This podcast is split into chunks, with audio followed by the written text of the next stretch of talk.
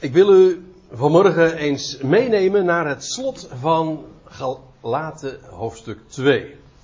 Slechts drie versen willen we eens wat meer in de picture zetten. Maar ik waarschuw u wel daarbij dat ik een lange aanloop nodig heb vanmorgen. En die tijd gun ik me ook even.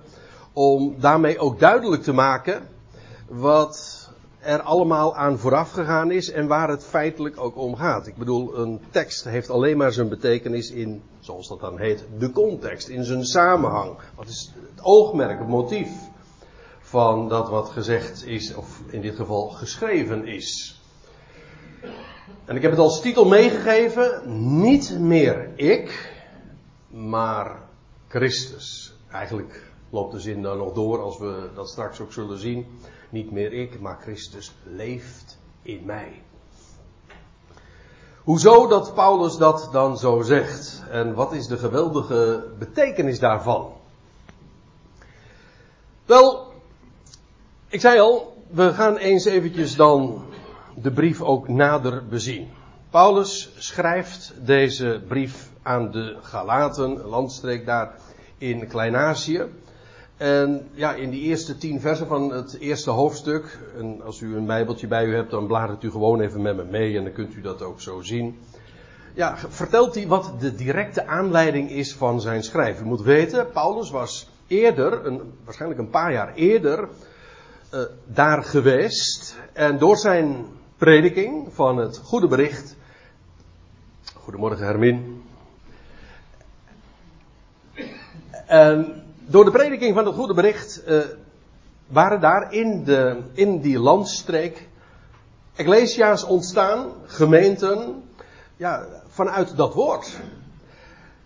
En dat woord wat Paulus daar gepredikt had, dat was een woord van genade. Dat is eigenlijk een van de, zo niet het sleutelwoord van, van deze brief. Genade.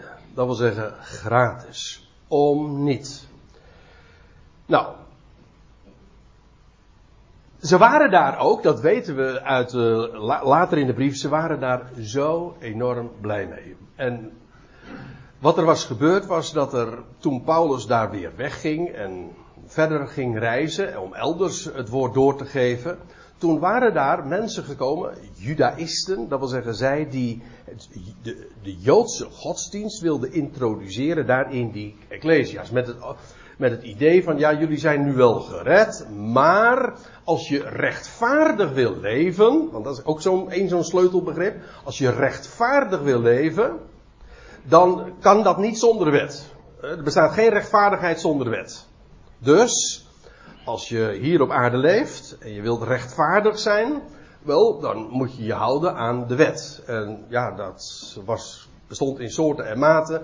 In elk geval, er waren er die pleiten dat uh, gelovigen ook uit de natieën uh, besneden moesten worden. En ze hadden daar hele, eigenlijk ook wel eenvoudige redeneringen voor, want zo moeilijk is dat niet om dat te verdedigen. Zeggen, jullie zijn nou toch kinderen van Abraham? Nou, wat moet er met kinderen van Abraham gebeuren? Dus die zouden toch besneden worden?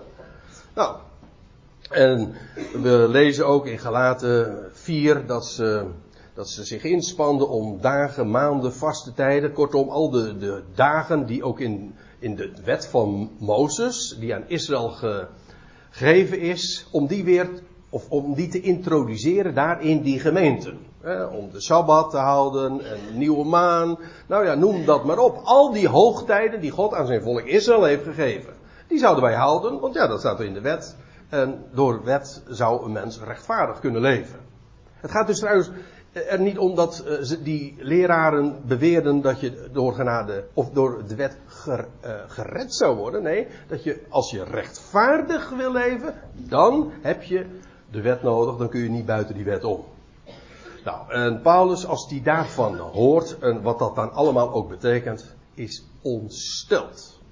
Hij zegt, wie heeft jullie betoverd? En hij zegt, hij vraagt ook, waar is jullie geluk gebleven? Ze waren zo uitgelaten, zo blij. Er was zo'n vreugde gaan stralen. Ja, dat is wat genade geeft. Uh, ook uitwerk, logisch. Je hoort, je krijgt iets, puur om niets, zonder dat je er iets voor gedaan hebt. En de, je moet je daarbij ook voorstellen, uh, de, het het grootste deel van die ecclesie van, in Galatië, die hadden een heidense, een niet-Joodse bedoel ik, achtergrond. Dus die kwamen uit de afgoden tempels enzovoorts. En die waren gelovig geworden. En nu, en nu werden zij verjoodst. Althans, er waren er die dat dus predikten. En dat ging, en die leer van die mensen, van die judaïsten, die vond daar ook gretig ingang. En weg was de blijdschap. Oké, er was een religieuze ijver gekomen van dit en dat. Maar uh, je leest ook trouwens, uh, het vlees ging opspelen. Dat is altijd zo, als, als het godsdienstige vlees wordt geactiveerd, van dit moet je doen, dat moet je doen, dan wordt er, komt de focus op het ik te liggen en wat je moet doen en wat je vooral niet mag doen.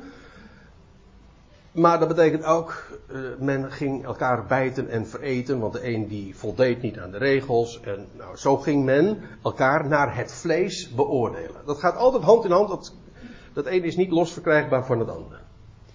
Nou, en Paulus is, zoals gezegd, ontsteld. Wie heeft jullie betoverd?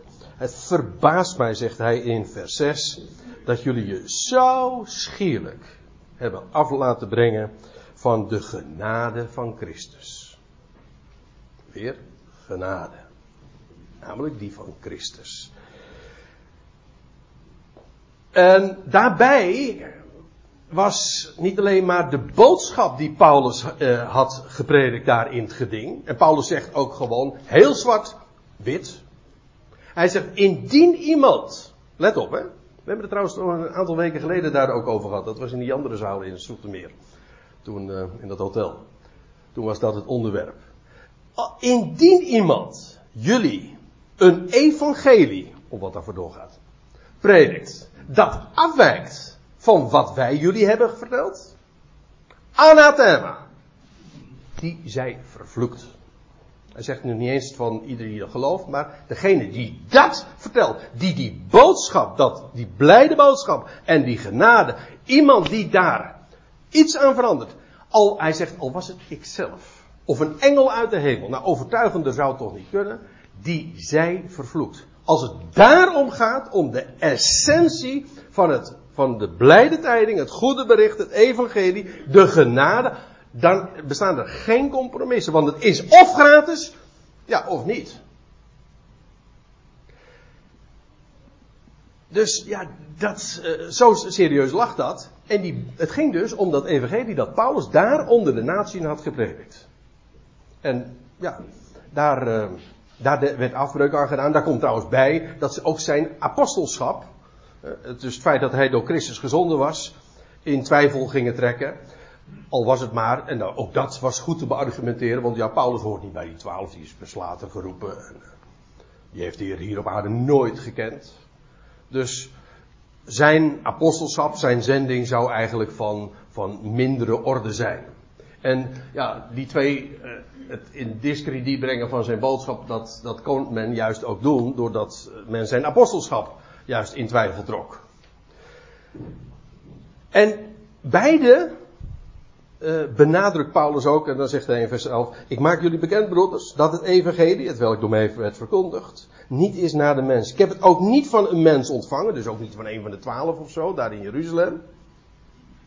Of geleerd, maar door openbaring van Jezus Christus. En feitelijk ook de laatste update, mag ik wel zeggen. Ik bedoel, hij werd geroepen door Christus vanuit de hemel. Hij benadrukt dat dan ook vervolgens in, in de, rest van dat eerste hoofdstuk. Hij, Paulus verhaalt van zijn roeping. Volledig onafhankelijk van Jeruzalem. Ik bedoel, hij was ooit, hij was gezonden vanuit Jeruzalem om daar in Damascus ook uh, de gemeente te vervolgen. Paulus was de vervolger van de gemeente. De tegenstander van het evangelie van Jezus Christus. Hij, was, hij in, in het Joodse land had hij zijn werk gedaan en nu ging hij ook naar het buitenland. Om daar het evangelie vervolgens te, eh, te ondermijnen en de ecclesia's te vervolgen. En met brieven op zak hè, van de autoriteiten vanuit Jeruzalem was hij op weg gegaan naar Jeruzalem. Eh, pardon, naar Damascus. En daar werd hij geroepen. In het buitenland. In zijn nekvel gegrepen. En wat hij dan ook vooral benadrukt is van, ja, ik ben, toen ik geroepen werd, toen ben ik niet meteen naar, uh, ben ik niet te raden gegaan bij vlees en bloed. Hij zegt, ik ben ook niet gegaan naar Jeruzalem, die eerder dan ik apostelen waren. Nee, ik ben naar Arabië gegaan. Want ja, de Heer had hem geroepen. En dat zei, ik, ik, uh, ik heb je nog meer te vertellen. Ik, ik, ga, ik heb je nog heel veel te onderwijzen. En hij is naar Arabië gegaan. En pas drie jaar later is hij een keer naar Jeruzalem toegegaan. Hij zegt, en, en ik heb niemand van de apostelen gezien. Nou ja, Jacobus heb ik gezien. En ik ben drie dagen bij, uh, bij Petrus geweest. En dan zegt hij niet van, uh, om, om, dan, om in drie dagen een stoomcursus van, van, van Petrus te krijgen van wat het eigenlijk het evangelie is. Nee, helemaal niet. Hij zegt om aan, om aan Petrus mijn verhaal te doen. Niet omgekeerd om onderwezen te worden door Petrus. Nee, om mijn verhaal te doen aan, die, aan Petrus. Voortdurend dat accent, ja, van dat evangelie dat ik predik. Dat heb ik niet van een mens gekregen, niet van het, dat is van een andere orde. Dat evangelie, dat is trouwens ook een onderwerp wat hij hier benadrukt in deze gelaten brief. Het evangelie dat Jacobus, Petrus, Johannes prediken, dat was rechtstreeks van de Heer. Daar niet van. Het was het evangelie van de besnijdenis. Maar het was onderscheiden. Het was geen ander soort, maar het was wel onderscheiden van dat wat hij mocht prediken onder de natieën. Hij maakt dat verschil. En zo benadrukt hij daarmee de de unieke roeping die hij heeft. Als vervolg ook op de twaalf. U weet, de twaalf die waren geroepen om Israël tot bekering te brengen. En door hun boodschap uh, en zou Israël zich bekeren en daarmee zou ook het koninkrijk hier op aarde gevestigd worden. En toen uh, heel duidelijk werd dat Jeruzalem die boodschap afwees, en dan lees je inderdaad, dan komt de figuur van, van Paulus op het toneel. Toen nog Saulus. En dan wordt hier hij geroepen. En dan, gaat er, dan, dan maakt de heilsgeschiedenis zeg maar een U-bocht. Want Jeruzalem wordt daarbij gepasseerd. En nu wordt Paulus geroepen. En door hun val, zegt Paulus dan, gaat het hij evangelie naar de natie. Nou, daar is hij de, de exponent van, de, het embleem van. Dan komen we in hoofdstuk 2. Dan lees je dat Paulus zegt, ja, uh, 14 jaar daarna ben ik weer in Jeruzalem geweest. Iedere keer is het vooral ook uh, zijn hele verhaal in hoofdstuk 1 en 2 is om te benadrukken van ja, dat wat ik vertel, dat evangelie wat ik breng en wat ik leer en onderwijs, staat los van Jeruzalem. Ik heb het rechtstreeks door openbaring van Jezus Christus zelf ontvangen. En toen zei hij, ja, 14 jaar later ben ik weer naar Jeruzalem gegaan. En dat is, dat, die geschiedenis kennen we, want in Handelingen 15 wordt dat verhaald. Die ontmoeting, die zogenaamde apostelvergadering. Toen was trouwens ook die kwestie, uh, want dat was hoog opgelopen. Van, ja, moeten gelovigen uit de natieën nu de wet van Mozes gaan onderhouden, ja of nee? Er waren er die dat heel uitdrukkelijk zo beweerden. En die heb je vandaag weer. Dus een, steeds krachtigere stroming om dat te, leren. En toen is dat, uh, ja, beslecht ook. Unaniem trouwens ook. En het antwoord is nee. De natieën zijn vrij. Hoe dat met Israël zit, dat is in feite was niet eens het onderwerp. Het ging erom, moeten de natieën onderworpen worden aan, aan, aan de leefregels van, van Israël? Het antwoord is nee. Maar bij die gelegenheid lees je ook dat Paulus uh, dan zegt van ja, en Jacobus, u leest dat in Galaten 2 vers 7 tot 9, dat Jacobus, Petrus en Johannes aan Paulus, met zijn medewerker Barnabas, de rechterhand van de gemeenschap aanbieden, uh, aanreiken. Zo, er is een één bij de eenzender. Hij is degene die ons erop uitstuurt. Zij zouden, Jacobus, Petrus, Johannes als representanten van de twaalf, zouden naar Israël gaan, naar de besnijdenis en Paulus naar de natieën. En dat was zo beklonken, officieel ook. En dan, ja, we gaan zo, we bladeren zo door deze brief heen. Dan kom je in hoofdstuk 2, eh, 11, vers 11 tot 18. Dan komt Paulus tegenover Petrus te staan, want dan verhaalt hij een andere geschiedenis daarna dat hij in Antiochië was, daar uh, in uh, noordelijk ten opzichte van Israël. En toen was ook Petrus daar. En in, in, wel interessant, je leest dus over drie ontmoetingen die Paulus met Petrus gehad heeft. De eerste keer toen, drie jaar na zijn roeping, dat Paulus aan Petrus zijn verhaal doet. Vervolgens, um, veertien jaar later daar in Jeruzalem, dat Petrus de, met de zijnen hem de rechterhand van de gemeenschap, de broederhand aanreiken. En dan nog weer later dan die ontmoeting in Antiochië. En dan lees je dat Paulus Petrus openlijk weerstaat in het gezicht. En laten we dat gewoon even lezen. Uh, ik ga er snel doorheen, maar ik wil deze volgeschiedenis even lezen. Dan staat er, toen echter Kefas, dat is uh, de Armeese naam voor Petrus, dezelfde betekenis trouwens, rots. Toen echter Kefas kwam in Antiochië, weerstond ik hem in het gezicht, openlijk. Omdat hij bekritiseerd was. En hij was terecht bekritiseerd. Want, staat er dan, voordat sommigen van Jacobus uh, vandaan kwamen, uit Jeruzalem, at hij samen met de natieën. Dat wil zeggen, uh, gelovigen uit de natieën die, uh, die niet kosher aten. Wel, Paulus of Petrus die at gewoon samen met hen. Maar toen kwamen er mensen vanuit, vanuit Jeruzalem, uit, de kring van Jacobus. Want Jacobus was eigenlijk de pilaar daar in, in Jeruzalem.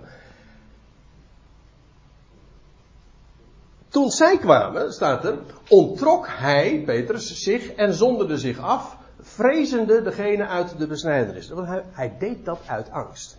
Tot die tijd at hij dus gewoon met de gelovigen uit de natieën. Toen er echter mensen uit Jeruzalem kwamen, uit de kring van Jacobus, die strikt de Joodse leefregels van, de, zoals dat heet, van de kashrut, eh, navolgden en kosher eh, aten. Toen onttrok Petrus zich, want waarom? Omdat hij bang was. Hij was bang voor degene die uit de besnijden is. En zo onttrok hij zich dus van, al die, van die gelovigen uit de natie. En dan staat Paulus, schrijft Paulus erbij. En ook de overige Joden, die huigelden mee. Want dit is gewoon pure hypocrisie. Eerst hen wel erkennen en samen met die gelovigen uit de natie eten. En dan komen er Joden die strikt in de leer zijn en dan en uh, kosher eten enzovoorts. En dan uit angst je van hen onttrekken. Maar dat is hypocriet. En ook de overige Joden huigelden mee, staat er dan, zodat ook Barnabas, of zelfs Barnabas, werd meegesleept in hun huigelarij. Zelfs Paulus' uh, meest naaste medewerker. Oh. Maar toen ik waarnam dat zij, ja, Paulus aanschouwde dat zo, toen ik waarnam dat zij niet recht stonden ten opzichte van de waarheid van het evangelie, zei ik tot Kefas, in het bijzijn van allen, is nog niet eens zo, zoals in de vertaling dan de indruk gewekt wordt van zo alle worden erbij geroepen om het aan te horen. Nee, gewoon alle anderen waren erbij. En, en zo, ter, terwijl anderen erbij waren, heeft hij gewoon tegen Petrus in het gezicht gezegd, ja, de waarheid.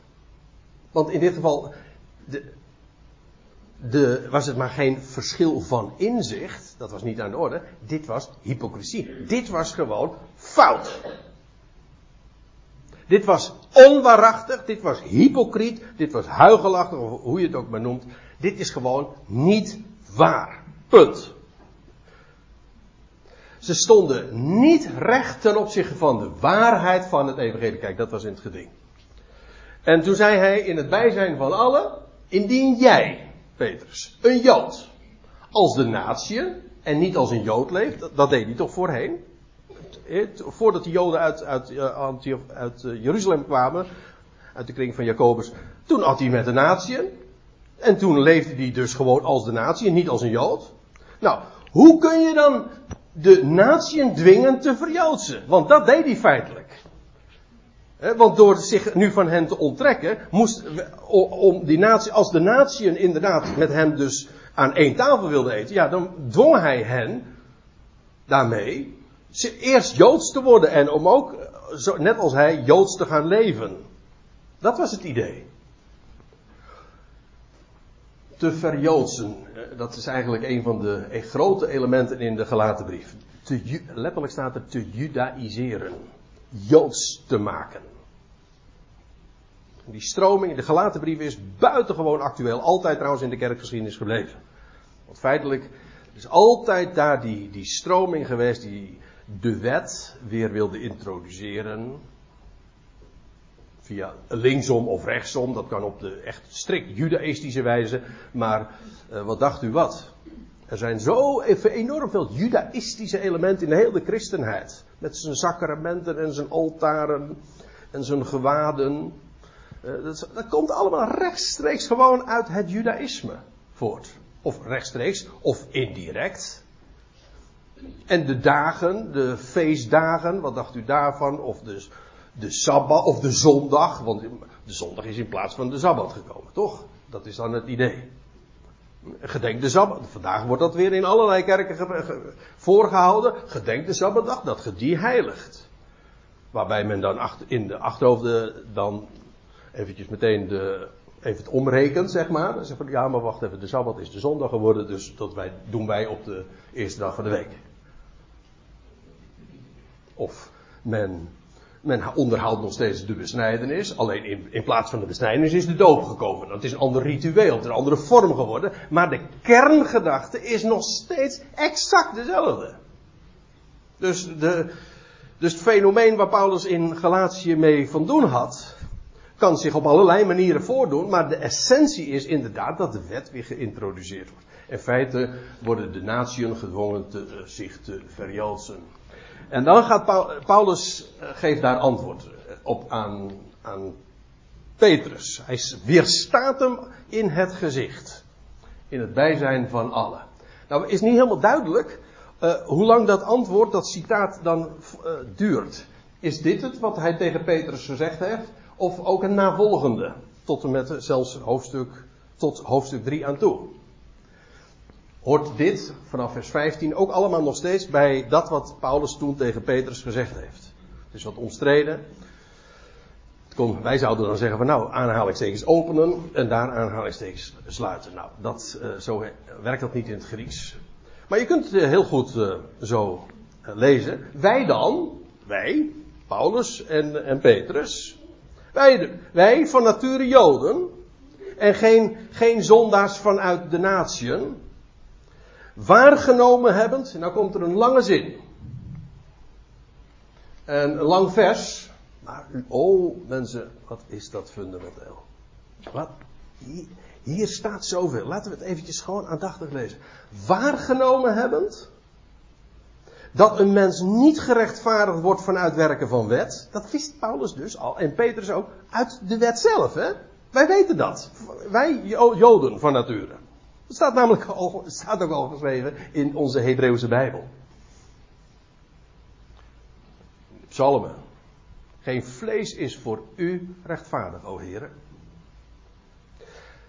Waargenomen hebben dat, in de schriften namelijk, dat een mens niet gerechtvaardigd wordt vanuit werken van wet, Behalve, hij wordt niet gerechtvaardigd daardoor, hij wordt slechts gerechtvaardigd door geloof. En nou staat er in uw vertaling, tenminste als u een MBG-vertaling hebt, geloof in Christus of in Jezus Christus, maar dat kunt u wel doorkrassen. Staat er niet. Staat niet van uitwerken van wet, maar door geloof van Jezus Christus. Zijn geloof, dat is het. Waardoor wordt een mens gerechtvaardigd? Is, zijn onze werken de bron daarvan? Hè? Van uitwerken van wet. Niet eens van de wet. Eh, niet alleen specifiek de wet van Mozes. Maar gewoon het hele principe van wet. Van doe dit of dat mag je niet doen. Dat is het principe van wet. Wordt een mens gerechtvaardigd door iets wat hij doet? Door werken van wet? Nee.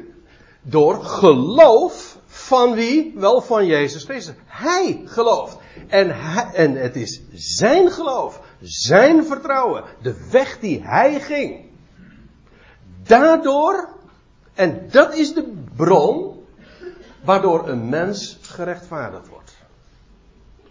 Waar, wat is de bron van rechtvaardiging? Zijn geloof. Ik wijs naar boven omdat hij daar nu is. Jezus Christus. Hij gelooft. En zijn geloof, dat is de reden dat de mens gerechtvaardigd wordt. Heeft dus niets te maken met wat de mens doet, presteert, kiest. Uh, iets namelijk dat je op zou leggen aan de mens, ongeacht wat. Ik zei al, dat kan heel erg variëren. Maar dat is de waarheid. Een mens wordt gerechtvaardigd door geloof van Jezus Christus. En nou schrijft Paulus erbij, ook wij geloofden. En nou staat er inderdaad in. De vertalers, eh, in de MBG tenminste, de Statenvertaling eh, heeft het keurig gedaan. Maar hier wordt gezegd, ook wij geloofden in Christus Jezus. Dat is waar. Daar geloven wij in. Namelijk in, waar geloven wij in? Wel dat zijn geloof ons rechtvaardigt. Daar geloven wij in. Niet ons geloof. Ook wij geloofden in Christus Jezus om gerechtvaardigd te worden vanuit geloof van Christus. Hier weer. Twee keer het geloof van, hier van, van Jezus Christus, hier het geloof van Christus. En daar geloven wij aan. Of in.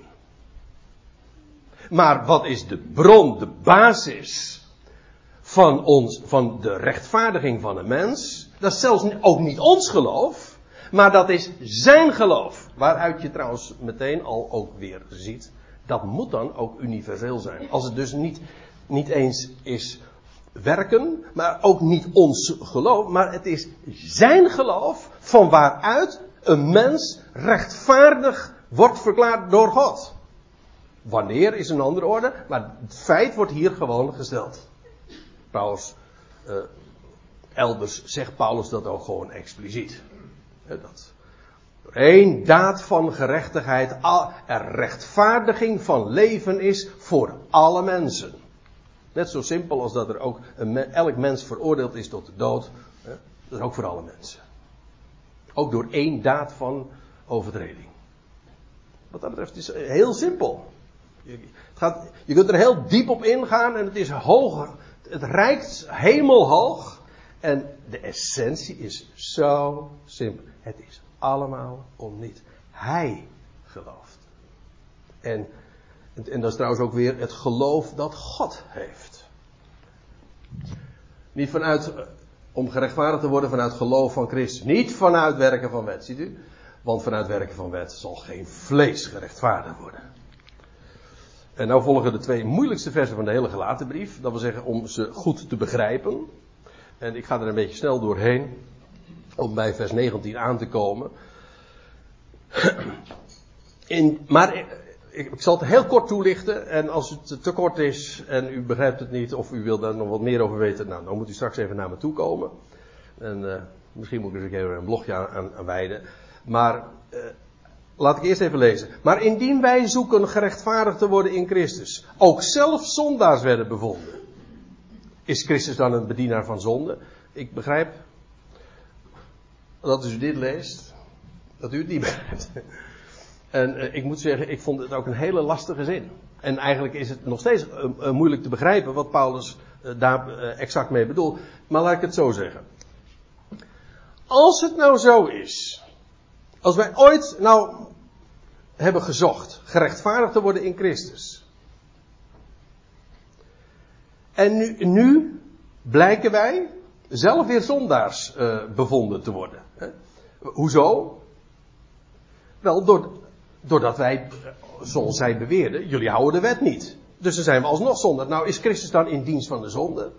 Of een bedienaar van de zonde? Mogen dat niet zo worden. Want indien ik de dingen weer opbouw wat ik sloopte, bedoel ik mezelf een overtreder. Dat wil zeggen, eerst zijn, we, zijn jullie tot geloof gekomen. Om niet, hè, in die boodschap van genade. En nou bouw ik weer op dat wat, wat ooit gesloopt is. Nou, dat betekent dus dat ik linksom of rechtsom een overtreder was. Eerst omdat ik het gesloopt heb, of dan wel omdat ik het weer opnieuw opbouw. Maar één van beide is dus niet goed. Toch? Nou. En dan komen we in vers 9. Uh, eh, ja, en dan komen we in vers 19. Dit was dus de aanloop. ja. ja.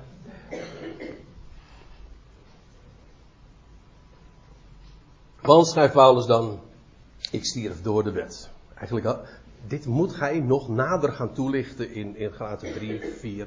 In de andere brieven, de met name de Romeinenbrief, uh, brengt hij dat ook uitgebreid aan, aan de orde. Hij zegt, ik stierf door de wet. Elders schrijft Paulus, die wet, de, die, die stenen tafelen, met letters gegraveerd door de vinger gods, dat was een bediening van veroordeling en een bediening van dood. Dat bleek ook wel, want toen de wet gegeven werd, de eerste de beste dag dat dat gebeurde, toen werden er 3000 mensen gedood. Al die, dat is heel interessant, maar je leest dus dat als Israël uitgeleid is uit het land, uh, uit, uit het land Egypte, en dan gebeurt er van alles daar in de woestijn, maar geen mens komt om.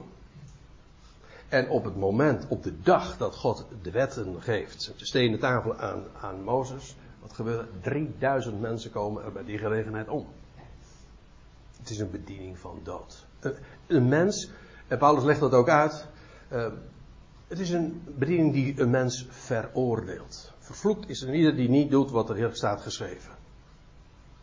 Maar het is een bediening van dood, maar daardoor maakt die wet, en dat is eigenlijk, als je er even wat, wat nuchter, afstandelijk tegenaan kijkt, ook wel een grappig fenomeen, zichzelf ook onschadelijk. Want als je door de wet gestorven bent, ben je dus ook voor de wet gestorven. Hè?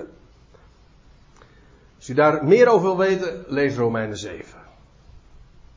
Waar Paulus het heeft over het oude verbond, waarin Israël, Israël was getrouwd met haar Heer. Het oude verbond was een huwelijksverbond. Wel, en toen stierf de man,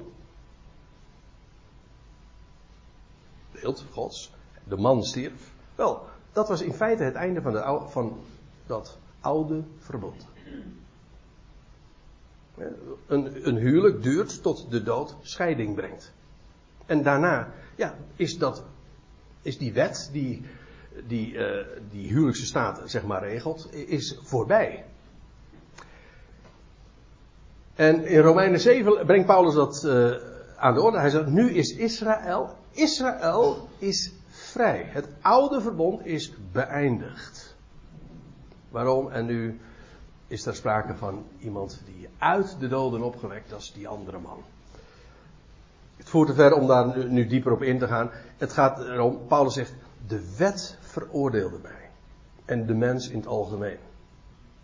En, maar doordat de mens veroordeeld wordt en sterft, ja, daarmee houdt de werking dus op. Op het moment dat iemand veroordeeld is, eh, de doodstraf heeft ondergaan, ja, dan staat hij ook niet meer onder de wet, kan hij daar niks meer uh, tegen doen. Ik ben door de wet en voor de wet gestorven.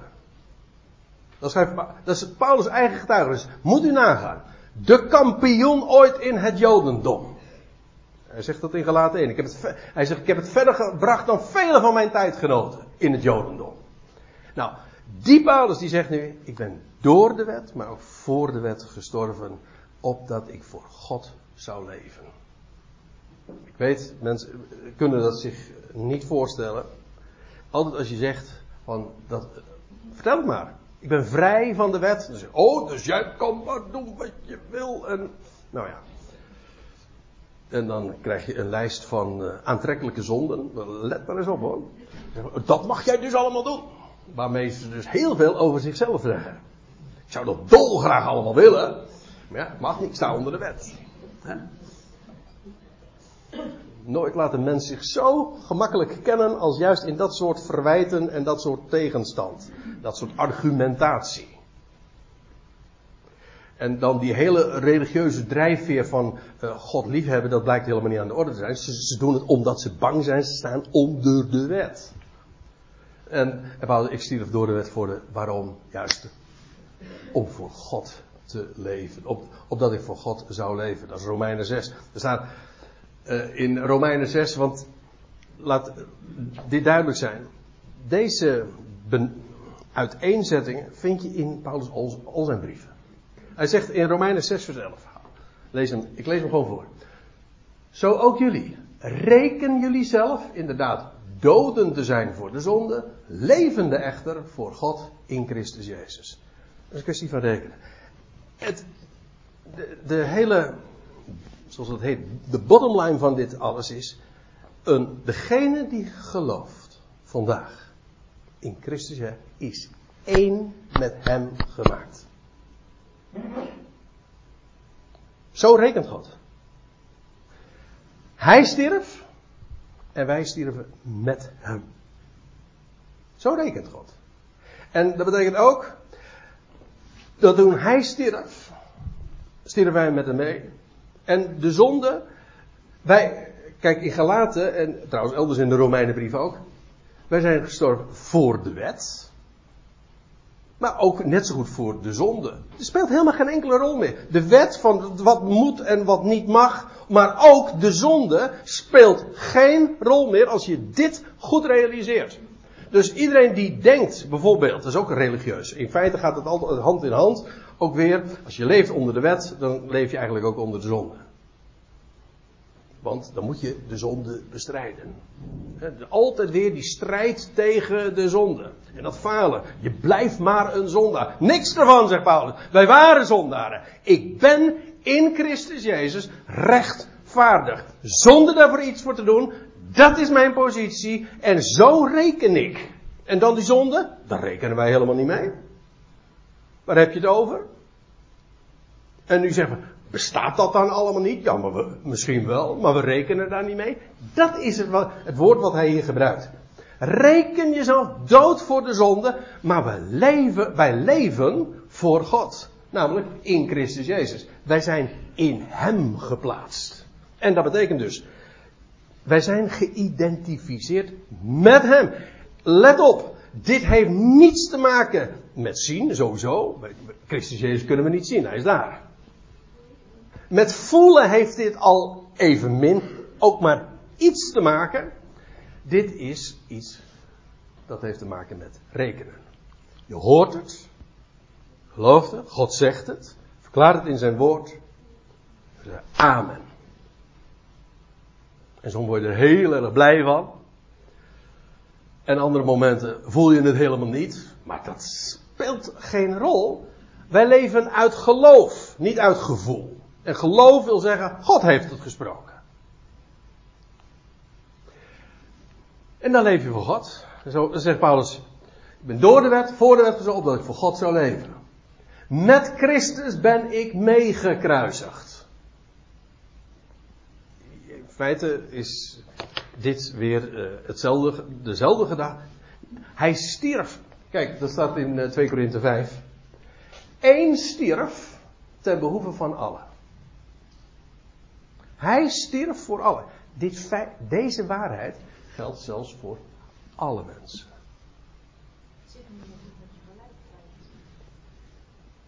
Is dat zo? Of is dat, is, zit er iets niet goed met je oren misschien? Ik weet het niet. Ja, ik weet het niet. Hoor ik, horen jullie hem allemaal goed? Oh. En dan zit je nogal, en dan zit je nogal vooraan, uh, Leni. Hè? Eén stierf ten behoeve van allen.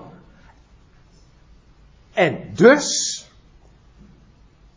stierven zij al. Zij worden met hem gerekend. Kijk, toen God Adam schiep, schiep hij daarmee feitelijk de hele mensheid. Want de hele mensheid bevindt zich in hem, komt uit hem voort. Toen Christus stierf, ten behoeve van alles, toen stierf hij om aan alle mensen heel de wereld het leven te geven. Dus hij stierf ter behoeve van allen, maar daarmee stierven ook allen. Waarom? Om hen het leven, het echt met hoofdletteren, het opstandingsleven te geven. God identificeert, zoals wij geïdentificeerd worden met Adam, zo zijn we geïdentificeerd met Christus. Eén stierf voor allen en dus stierven zij allen. Zo rekent God. En trouwens, dit nu is het nog een kwestie van rekenen. Straks is dit ook waarneming. Ik bedoel, dan is de hele, dan, er komt een moment dat heel de mensheid, want het gaat in etappes, dat heel de mensheid inderdaad in Christus is levend gemaakt. En het leven dat hij 2000 jaar geleden aan het licht bracht, dat zal dan ook daadwerkelijk lichamelijk, concreet, het deel zijn van heel de mensheid. Maar God rekent nu al zo, hij ziet dat allemaal al zo. In dat perspectief. En waar het eigenlijk allemaal om gaat is dat we dat, die bril, die God, sorry dat ik het zo zeg, ik weet niet hoe ik het anders moet formuleren. Zoals God het ziet, die bril zet ik op. Kijk, met mijn gewone ogen, zie ik trouwens sowieso niet zoveel, maar zie je dat niet. Maar met de bril van het woord versta ik, zie ik dit. Zo, zo rekent God. Heel die mensheid is met Christus verbonden.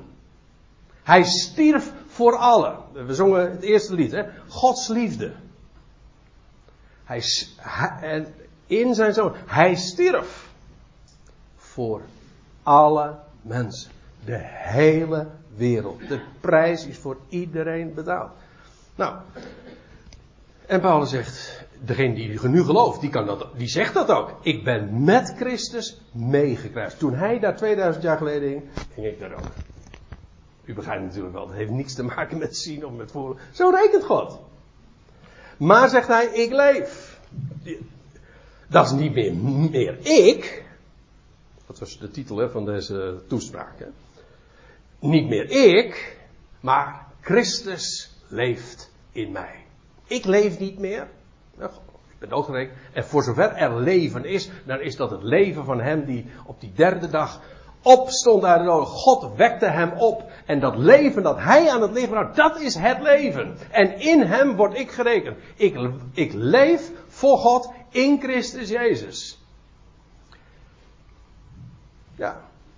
En dan, en dan zie je in Romeinen 7, ik, ik, ik vergelijk zo dat ook met andere brieven. In Romeinen 7, u kent het wellicht, dat hoofdstuk waar Paulus dan zo topt als, eh, als iemand die leeft, of eigenlijk die uh, zich stelt onder de wet, of die gesteld is onder de wet en is maar ik ellendig mens, ik, ik probeer het wel, maar het lukt me niet. Het is een heel ellendig verhaal. Tientallen keren lees je het ik, ik, ik, ik, ik, ik. Het is wel een hele zielige ik, maar allemaal ik. En dan komt Romeinen 8. En dan zeg je ook, eerst eindigt er dan, wie zal mij verlossen uit dit lichaam van deze dood? Slavernij. En dan goden zij dank. En dan komt er Romeinen 8. Dat is niet meer ik. Volstrekt oninteressant. Ook niet wat ik niet kan. Het gaat helemaal niet om wat ik kan of niet kan. Wat hij gedaan heeft en wie hij is en wat hij kan. Ja, dan, ineens, dan hoef je helemaal niet meer, dan verwacht je helemaal niks meer van jezelf. Hij doet alles. Het is allemaal volbracht. Ik heb dat heel mooi, kan ik dat grafisch ook laten zien. Dat wil zeggen, deze zin die Paulus hier optekent. Als je deze, deze tekst gewoon eventjes nu anders leest, gewoon eventjes als een plaatje maakt, dan krijg je dit. Het begint dan met Christus. Zo staat het in het Griek. Met Christus ben ik meegekruisigd. Ik leef echter, ja niet meer ik, maar hij leeft in mij, namelijk Christus. Het begint en het eindigt met Christus. En in het centrum staat de ik die er niet meer is. Het is een schitterende voorstelling. En waarbij dit overeenkomt en dit met dat, maar ook ik ben meegekruisigd. Ja, maar hij leeft in mij. Ziet u? Dus feitelijk, je kunt het zo deze lijn trekken, maar je kunt ook zeggen van dit eerste deel is het spiegelbeeld van het onderste deel. Een prachtig plaatje. Met Christus ben ik meegekruisigd, maar ik leef niet. Ik leef echter niet meer ik, maar hij leeft in mij, namelijk Christus. De opgewekte. Dat is Christus, hè? Niet Jezus, die hier op aarde rondwandelen. Christus, de opgestane. En dan lees ik nog even verder. In in, dan komen we aan het einde van de gelaten brief, gelaten 6. En dan zegt Paulus, nadat hij trouwens ook nog weer te maken had met mensen die dan de besnijdenis predikten, alleen maar om, ja, om zich godsdienstig te profileren. Maar dit heeft niks te maken met godsdienst. Om bij God in een goed blaadje te komen, om iets te doen. Hoezo iets doen? Alles is gedaan, alles is volbracht. En ik hoor mensen nu denken, dat is maar makkelijk. Ik krijg het altijd te horen. Vertel het maar. Vertel mensen maar van Gods genade. Geheid dat je de reactie krijgt. Dat is maar makkelijk. Echt, altijd. Het is de standaardreactie. In mijn optiek is dat een aanbeveling. Als het maar mak als makkelijk is. Maar men bedoelt als kritiek. Toch? Altijd. Dat is maar makkelijk. Dat, mensen, dit is zo geweldig groot. Dit krijg je inderdaad zomaar gratis op je bord. Hoezo godsdienst? Hoe, hoezo iets proberen te doen om voor God rechtvaardig te worden? Dat is niet, dat is niet ons doel om, uh, om aan het einde van ons leven uh, dat bereikt te hebben. Daar, daar, daar, daar beginnen we mee. God zegt, ik reken jou in Christus Jezus. En wie zijn wij dan om dan, dan tegen te spreken? En om dan moeilijk te gaan zitten doen. Dat doet een mens graag, hè? Weet je waarom? Want mensen zeggen dan, deze boodschap is zo makkelijk, maar in de praktijk blijkt het bar moeilijk te zijn. Weet je waarom? Omdat het niks van het ik overlaat. Er is niks meer van ik. Mijn moeilijke ik, want de mens vraagt altijd, zit altijd maar weer de aandacht voor zichzelf te vragen. Je in de belangstelling en dan kun jij je nog profileren van heb ik gedaan of zo. Ik. Dit zet het mes in het ik. En alles voor. Dat is, die, die ego, hè, dat was het toch? Die ego. Die, dat is. Over. Niet meer ik, maar hij. Maar het is ook een geweldige bevrijding. Want als jouw probleem nou het ik is, en dat is echt het grote probleem van de mens hoor. Dan ben je daar mooi en goedkoop vanaf. Als ik het zo mag zeggen. Ik bedoel gratis dus, hè. Sorry. Van dat probleem. Want het is hier niet meer ik. Paulus zegt dan, dat is eigenlijk de, een van, ja, dat is de, de conclusie. We zijn een nieuwe schepping. Naar die regel wandelen wij. Wil je een regel? Een leefregel? Nou, dit is een leefregel, echt. Dan leef je nou. Hij zegt, het zij ver van mij. An te roemen. Anders dan in het kruis van de Heer van ons, Jezus Christus. Door, voor wie, door wie voor mij de wereld is gekruisigd. En ik voor de wereld. Want het, het werkt naar twee kanten toe. Het was trouwens religie die Christus aan het kruis bracht. Toch? De meest goddelijke religie die er was op aarde. En de grootste fanatisme. Die brachten Jezus aan het kruis. Maar als dat zo, als het zwaar is. Dat ik met hem verbonden ben. Geïdentificeerd ben. Dat wil zeggen, ik vereenzelvigd ben met hem. En dat, dan is het ook zo dat toen hij gekruisigd werd, werd ik dus ook gekruisigd. En toen de wereld van hem af was, was de wereld dus ook van mij af. Maar ook omgekeerd, ik van de wereld. en het gaat hier trouwens ook vooral over de, de godsdienstige wereld ook. Kijk, er was ooit een gospellied. Nou, dat is nog steeds een gospellied. Een echtpaar, die zongen dat. Tussen mij en deze wereld staat het kruis van Golgotha. Hij stierf en het is volbracht. Het is alles gedaan. En die wereld topt. En die, die doet moeite. En wij zeggen. Ja, dat is de wereld. Dit, en dan zeggen we ook van ja, dit is. Dat komt, daar komt het dus op neer. Waar wij ons hier bevinden. Dit is mijn wereld niet. Ja. Nou, zegt Paulus er dan nog bij. Wat ik echter nu nog leef in het vlees. We gaan even verder in het twintigste vers. Wat ik echter nu leef in vlees. Want, eh, of in de staat, of in de NBG-vertaling staat, voor zover, en dat is inderdaad de gedachte. Voor, want ja, ik ben in Christus Jezus. Ik leef niet meer. Nou, zegt Paulus, maar voor zover ik nou, nog hier nog, hè, in onze beleving en waarneming, in onze perceptie, uh, hier zijn. Nou, zeg maar, voor zover ik nu echter leef in vlees,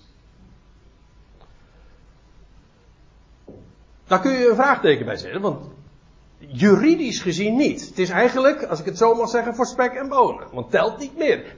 Wat telt is wat ik in hem ben. Maar voor zover ik nu leef in het vlees, en dat is mooi. Hè, in Colossense 2 vers 20 zegt Paulus, indien jullie samen met Christus sterven. Ziet u dat het, de gedachte die hij in Galaten 2 naar voren brengt, dat is maar niet, uh, alleen maar in, in die brief, in al zijn brieven. Zet hij die waarheid erin. Indien jullie samen met Christus sterven, waarom dan? Alsof jullie in de wereld worden. Uh, nee, leefden. Sorry, er moet een woordje tussen. Alsof jullie in de wereld leefden, worden jullie besluiten opgelegd van raak niet, smaak niet, roer niet aan. Maar het ging me er eventjes om, alsof jullie, hij zegt dat, alsof jullie in de wereld leefden. Dat is leuk hè. Dat, ik vind het, ik, je valt erover als je het leest. Waarom? Alsof jullie in de wereld leven. Hij stelt daarmee dus de discussie dat we in de wereld leven. En dat is ook, later in diezelfde Colossensebrief zegt hij ook, ja, ons leven, dat is daar met Christus verborgen bij God. Daarom bedenken we de dingen, want daar zijn wij echt. Hier zijn we in vlees, lopen we nog, ja oké. Nou, en als je dan vraagt van, ja, en hoe dan? Wat hier op aarde, voor zover je dan hier op aarde nog in vlees leeft. Nou, zegt hij, leef ik in geloof. Uh, van, van wat dan? Nou, uh, ja, dan staat er in de MBG-vertaling in de Zoon van God. Maar dat staat er niet. Leef ik in geloof, namelijk in dat van de Zoon van God. Met andere woorden, voor zover wij hier nog leven in het vlees, onze praktijk zeg maar, elke dag, leef ik in geloof, namelijk in dat van de Zoon van God. Ik ben in Hem. Zo reken ik. En dat is zo essentieel. Je kunt hier natuurlijk over theoretiseren, maar mensen, beleef de waarheid en ook het geweldige rendement hiervan. Hoe geweldig het is om zo uh, elke dag in het leven te staan. Ik ben in hem. Ik ben rechtvaardig. Het, die, die geweldige toekomst die is in hem realiteit. En hij, het is volbracht. Ik leef in het geloof, namelijk in dat van de Zoon van God. Zijn geloof, dat is die. Daar heb ik geen, daar hoef je geen twijfels over te hebben. Zijn geloof, dat zit ons nodig. Als ik het even zo oneerbiedig mag zeggen. Dat zit helemaal goed. Daarin leef ik. Dan leef ik ook echt. Want we leven dan weliswaar in een sterfelijke wereld, in een stervende eeuw. En er is allemaal vergankelijk, er is allemaal moeite en er is zoveel aan de hand. En om dan werkelijk licht te hebben en om te leven, ja, dan, dat kan alleen maar door te rekenen. Ik kan niet genoeg benadrukken te rekenen, mensen. En geloven wil zeggen, God heeft het gezegd en zo is het. Punt. Basta. En dan kan iedereen zeggen van, ik zie het niet, ik voel het niet. Wat doet dat de zaken? Hij heeft gesproken. En op het moment dat je dat daarop gaat staan, op dat fundament, ja, dan, dat, dat is vreugde, dat is vrede, dat is hoop, dat is, dat is echt leven. Voor wat ik echt nu leef in het vlees, leef ik in geloof in dat van de Zoon van God die mij lief heeft. En zichzelf overgeeft voor mij. Ja, ik, ik, zie dat ik uh, even kort moet houden. Toch nog met die drie versjes. Maar die mij lief heeft. Dat, staat in het Grieks in een tijdloze vorm. Die aoris. Hij, dat is een, gewoon een feit. Ongeacht wanneer. Hij heeft mij lief, zegt Paulus. En zichzelf overgeeft. En dat is dan de tegenwoordige tijd. Die zich nu momenteel is overgevende aan mij, of overleverend aan mij. Dat is wat. Met andere woorden, voor zover ik hier nu nog in vlees leef, is daar die zoon van God. In hem ben ik. En hij heeft mij lief.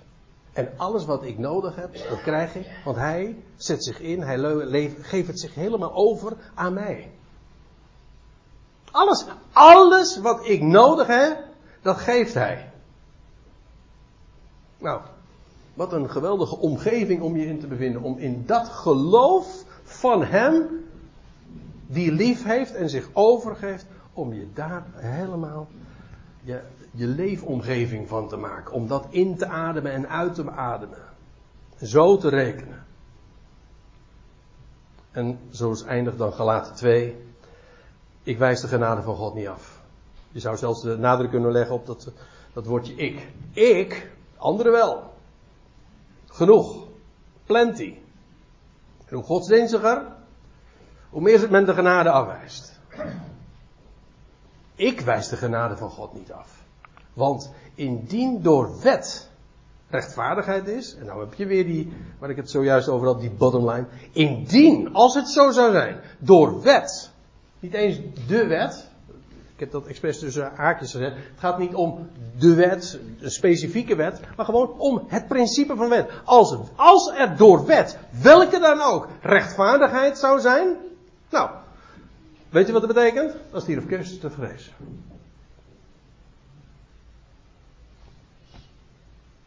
Nou, die helemaal nieuw versterven.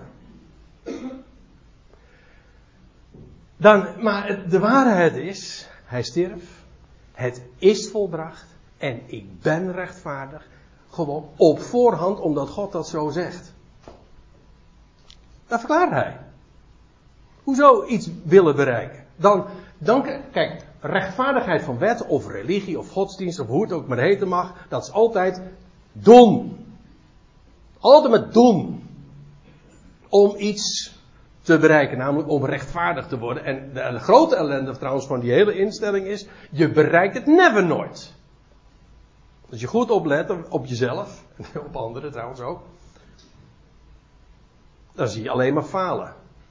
Daarom, het wordt je wordt er nooit gelukkig van. Weet je waar je gelukkig van wordt? Gewoon het geschenk aannemen wat hij geeft. Je bent gerechtvaardigd. Dat is een geschenk. Ja, nogal een groot geschenk.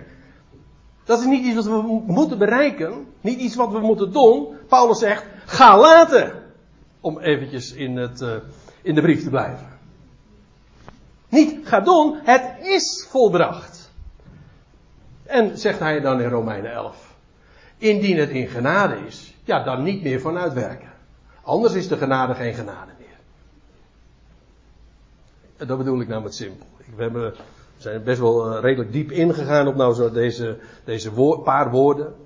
Maar uh, u moet toch met me eens zijn, u zult met me eens zijn. Dit is toch wel heel simpel. Als het door werken is, dan betekent dat je het verdient. Ongeacht hoeveel, hè.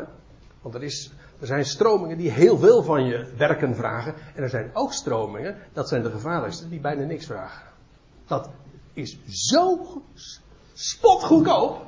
Je hoeft bijna niks te doen. En juist daarom is dat zo gevaarlijk. Je hebt. Uh, ja, en dat is eigenlijk wat tegenwoordig christendom heeft. Je hoeft bijna niks te doen. Je hoeft alleen maar. Hè, ik, ik hoor het mensen zeggen. Voor een kansels of een podia. Je hoeft alleen maar te kiezen.